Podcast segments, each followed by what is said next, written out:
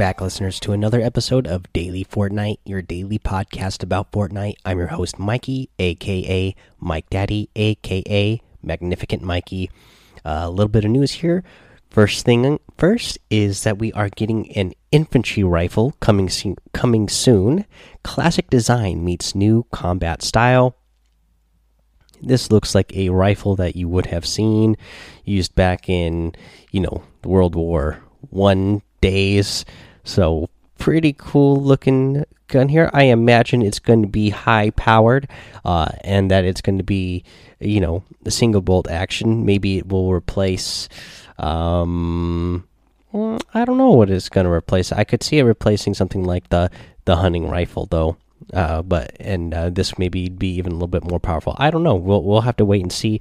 I really have no idea exactly uh, what kind of damage this thing is going to do. But I am excited to see this in the game. Pretty pretty neat looking uh, weapon there. Uh, so the only other thing I really want to talk about is I I'm curious what you guys know or what you guys think. Sorry about the share the love event that they got going on. The share the love series uh, tournaments that they going got going on.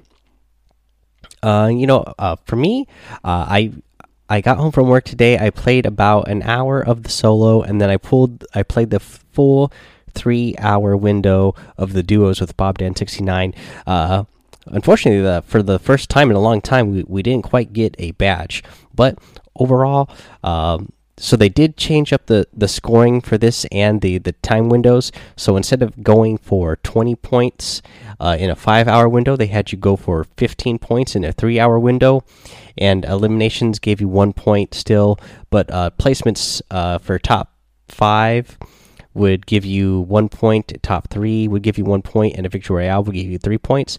That is for the duos, and then for solos, uh, it was uh, again one point for eliminations three, five, and seven, and then uh, top ten and top three would get you one point each, and then the victory royale would get you plus three points. So they changed up the scoring uh, a little bit. And I gotta say, uh, this share the love event and the way they just the way they had the setup, the point set up, the the time window set up, uh, I was not a fan of this. I they are going back to the regular pop up cup. Uh, they will have the architect pop up cup tomorrow. Um, at the time of this recording, most of you, by the time you listen to this, it will be uh, today for you when you're listening to it, which will be uh, February 11th. But that is going to be back to the normal uh, set of rules and scoring and time window that they normally do, and I actually like that a lot better than what they just did with this uh, share the love event. So I hope that they take that into consideration. That uh, just a lot of the big name Fortnite players that I uh, follow over on you know Twitch and YouTube have been making comments over on Twitter, and it seems like a lot of them agree that this share the love series that they're doing right now and the way they have it set up is not really the way to go. And I, for myself, for the first time today, I kind of felt uh, what some of those big, uh, big name players uh, were talking about, and uh, you know, seemed to uh, voice a concern about a lot with planes. I mean, I wasn't even streaming, so I wasn't that people were stream sniping me.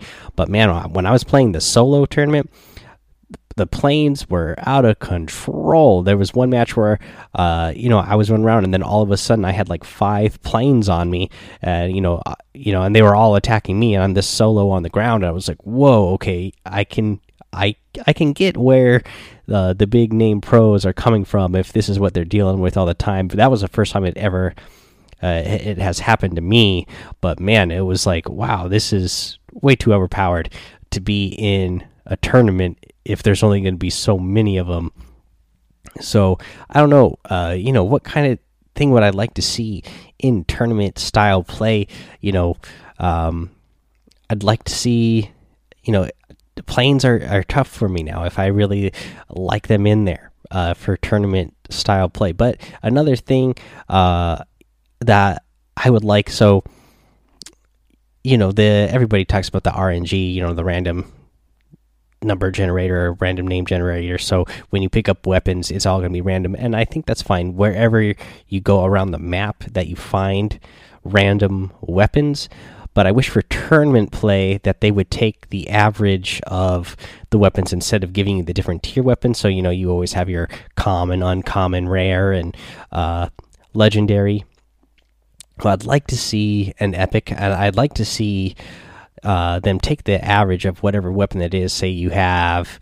Uh, so say you have the scar and you have the the purple and the gold. Just take the average and put a single scar in there. That way you don't feel like uh, the other person beat you, even though you landed the same number of hits during that fight, but they had a weapon that just did a little bit more damage than you, even though it was the same weapon. Uh, so I'd like to see that be more uniform across weapons in tournament style play. Uh, that way, you know, even even the the ARs, especially because you know you're going to have a gray, a green, a blue.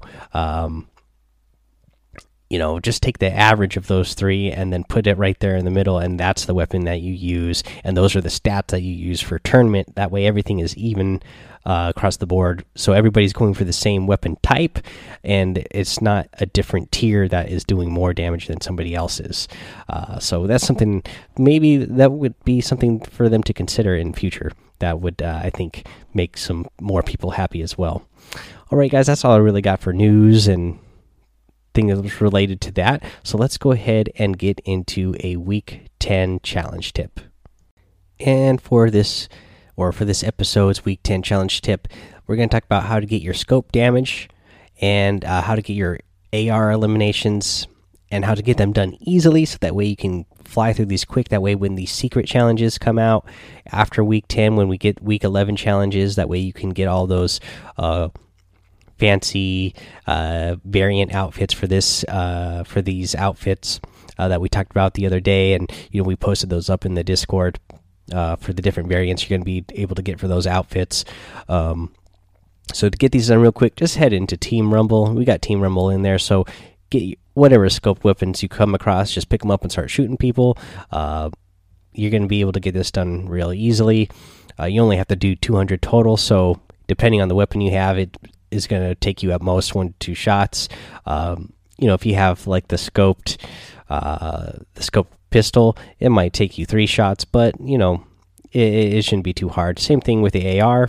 You know, you're in Team Rumble, you're gonna you're gonna be uh, respawning, and other players are gonna be respawning, so there's gonna be plenty of battles, and be real easy to end up picking up AR eliminations when you are playing in Team Rumble. Pick up eliminations at all period is pretty easy to do in Team Rumble. So it's a good place to practice um, getting your, uh, you know, practicing with your aim and uh, shots and everything in there, anyways, because you're going to have so many different moving targets. Alrighty, guys, let's talk about the item shop today. In the item shop, we still get that awesome spark plug outfit. Again, still a big fan. Uh, one of my new favorite outfits in the game. You have the uh, Kit Bash uh, Kit Bash outfit. Again, I like this one a lot. I like that he's like a robot guy made out of junk, so pretty awesome. Uh, you get the Beef Boss in there. Uh, again, I love the Beef Boss when it first came out. Uh, my son really loves the Beef Boss, uh, so we might think about getting this one because uh, we don't have it yet. You also have the Patty Whacker harvesting tool and the flying saucer glider in there as well.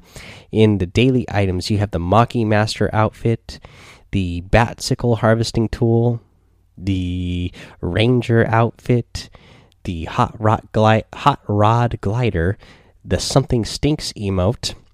And let's see here the slick emote. This is a new emote, uh, a little bit slower music, and your uh, character does a fancy little dance there. So pretty awesome one.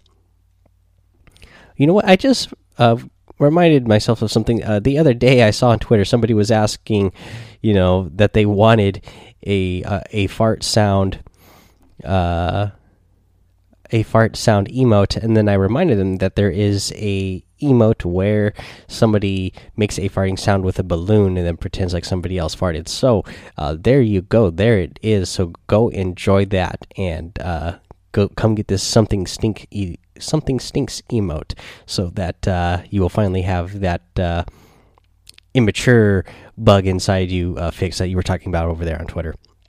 Whoever it was i don't remember. Uh, but anyways guys if you're going to get any of these items head over to the and when you head over to the item shop go ahead and use creator code mike daddy m m m i k e d a d d y. I really appreciate it if you do that. It does support the show.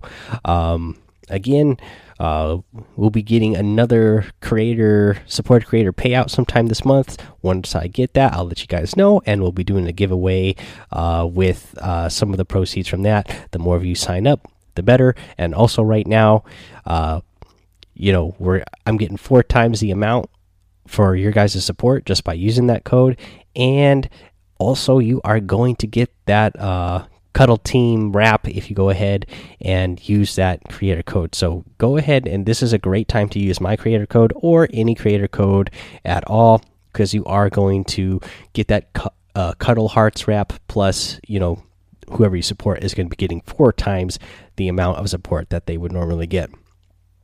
Uh, let's see here, guys. Let's go ahead. Oh no, way! I got to give a thank you actually because I did get uh, one from uh, Daryl Bateman over on Twitter. Thank you so much for your support. Uh, thank you for sending me that picture over on Twitter, showing me that you're supporting me. I really appreciate it.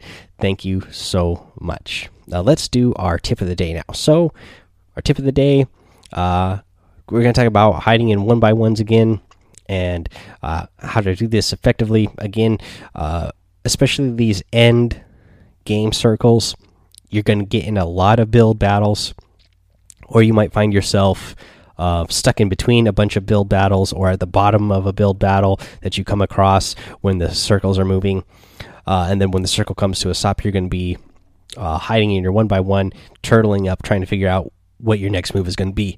And you need to be careful what you're or how you are uh, positioned in your one by one, uh, because if you are, you know, in a corner, there's potential that whatever weapon you are uh, holding or your harvesting tool is going to poke through the wall, and your opponent is going to see exactly where you are, giving away your position. So if you are facing, if you are standing right next to the wall, your weapon uh, is going to poke through the wall. Your and your opponent's going to be say it going to be they're going to be able to see it, especially if you have like the heavy sniper rifle because it has such a long barrel that sticks through the walls really good. Uh, the you know any of the harvesting tools, uh, if it if you're standing right next to a wall and you're facing straight and the harvesting tool is on your right hand side. Uh, you know that harvesting tool is going to stick through that wall and people are going to see it and then they're going to know okay, that is where my opponent is. I'm going to shoot at that one by one. Whereas if you were in the middle, or if you were just uh, far enough away from that wall where you weren't poking through, uh, you would have more time to figure out what your next move was going to be. Uh, that way, you could make your edits through your walls and keep building one by ones uh, to tunnel yourself to wherever the next circle is moving to. Uh, and again, this is mostly for when you reach those end games. Uh, okay, guys, that is your tip of the day, and that is the episode for today. So head over to the daily Fortnite Discord. That way, you can come join us in the community, and you still begin getting your uh, Fortnite fix, uh, hanging out with everybody over there, and just talking about Fortnite and whatever else in the other random chat channels you can head over to my Twitch and my YouTube. Uh, follow me on both of those places, Mike Daddy, and then head over to Apple Podcasts and iTunes. Leave a five star rating and a written review so you can get a shout out here on the show. And remember, if we can just reach five, you know, 500 five star ratings, uh, we'll do a giveaway just to celebrate that for reaching 500 uh, five star ratings. Again, the amount of people who listen to the show. Uh, so last time I checked, that was almost doubling the amount of five star ratings we're what that what we have right now. But for the amount of people that listen to the show, that is just a very small percent.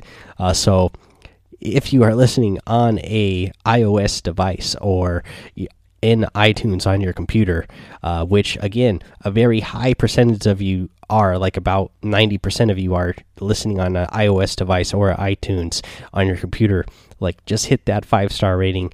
Uh, that's as easy it is to do. If you want the shout out, then go ahead and leave the written review. Uh, but moving on, don't forget to subscribe so you don't miss an episode. And until next time, guys, have fun, be safe, and don't get lost in the storm.